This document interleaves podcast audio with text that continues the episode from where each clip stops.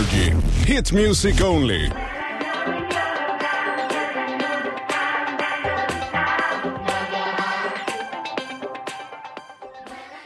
You're performing tonight. Yes. You sold in Stockholm. You Yeah. sold out in four minutes. Did it? Yeah. Oh, that's cool. If you Did would- it really? If you would be one of those fans, Yeah. name three things that are good about 1975. Name three things that are good about our Yeah. band. Wow. Well, I mean, I think the live show has become something that people. It, it's quite a hot ticket. Mm. Even in just people are starting to come to the show because visually it's it's quite striking, and, and even people who haven't been fans of the band before have come down. So that's one thing that's good. Our live show. um, we've just, I mean, I think that a lot of people are just really invested in the new record and really invested in what we're doing live and how it's all an extension of each other. So I think that's what they're excited about. And I know that some people even are sleeping in tents. Yeah, we saw that.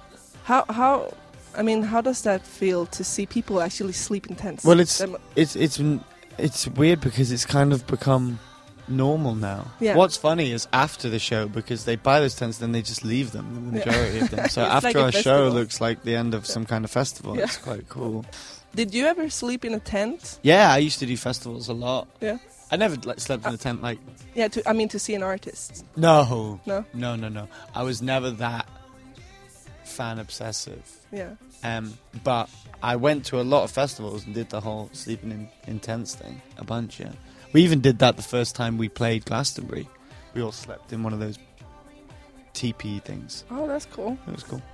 And talking about fame, um, your album now that you released, it's sort of about f- going through fame. You said. yeah, said to I a read. certain extent. Yeah. Yeah. So if you would make like a third album, where would you be at? Do you think? Well, that's a.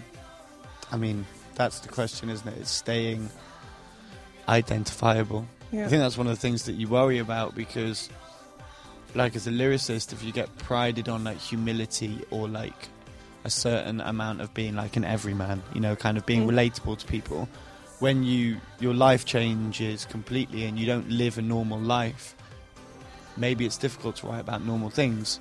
That's why the cultivation of my direct life, like my infrastructure of the way my life exists, and make sure it's as normal as possible, Mm.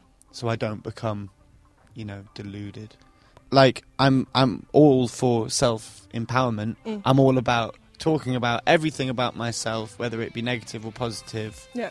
Because that's who I am. So I suppose I stand for the idea of being who you are is all right. What I don't like the idea because we're in 2016 is that is the, not yet. Yeah. I do that sometimes. 2016. We've just had the year of kind of progressive gender stuff and all these things being in Mm. the media. I think it's very cool now to be slightly, I don't know, off in regards to the way that you present yourself um, or the way that you identify with yourself in gender wise. But with me, wearing makeup's just like a different pair of shoes, or like I, I'm, I don't at any point think that I'm kind of being progressive. It's just part of rock and roll history. Like, you know, I don't know. Brian Molko, David Bowie, uh, Yeah. Marc Bolan, like, you know what I mean? Everybody's been doing it. So I'm not trying to impress anybody. I just sometimes like looking like a girl, sometimes look like, like looking like a boy. Do you guys ever fight?